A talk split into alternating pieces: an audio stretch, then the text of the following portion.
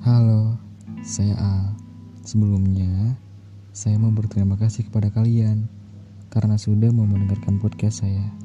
So, hari ini saya mau bercerita lagi. Yaudah, langsung cerita aja. Setelah aku pikir-pikir lagi, aku memilih menyerah memperjuangkanmu. Bukan berarti aku tidak mencintaimu, hanya saja ada banyak hal yang kau katakan.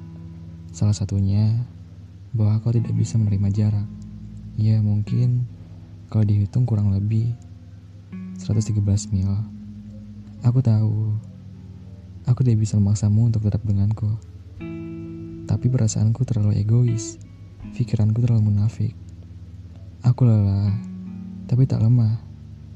Aku banyak luka yang bersarang, tapi tahan banding untuk menerima.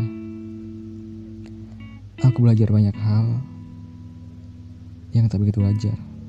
Mencintai tanpa dicintai, memberi semangat dan menuhi kianat. Kakiku melangkah dengan kata semoga, tapi dunia mengajakku bercanda. Meski ia tak berhasil membuatku tertawa, yang ada justru kecewa.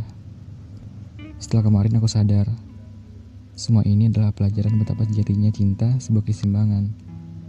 Karena sebuah hubungan mestinya diperjuangkan oleh sepasang perasaan. Bila salah satu memilih pergi, mengobati luka adalah sebaik-baiknya cara mencintai diri sendiri. Semua terlalu cepat dirasakan. Patah yang tak pernah diterka, rasa yang ternyata merumitkan, atau harapan yang jatuh di pertengahan cerita.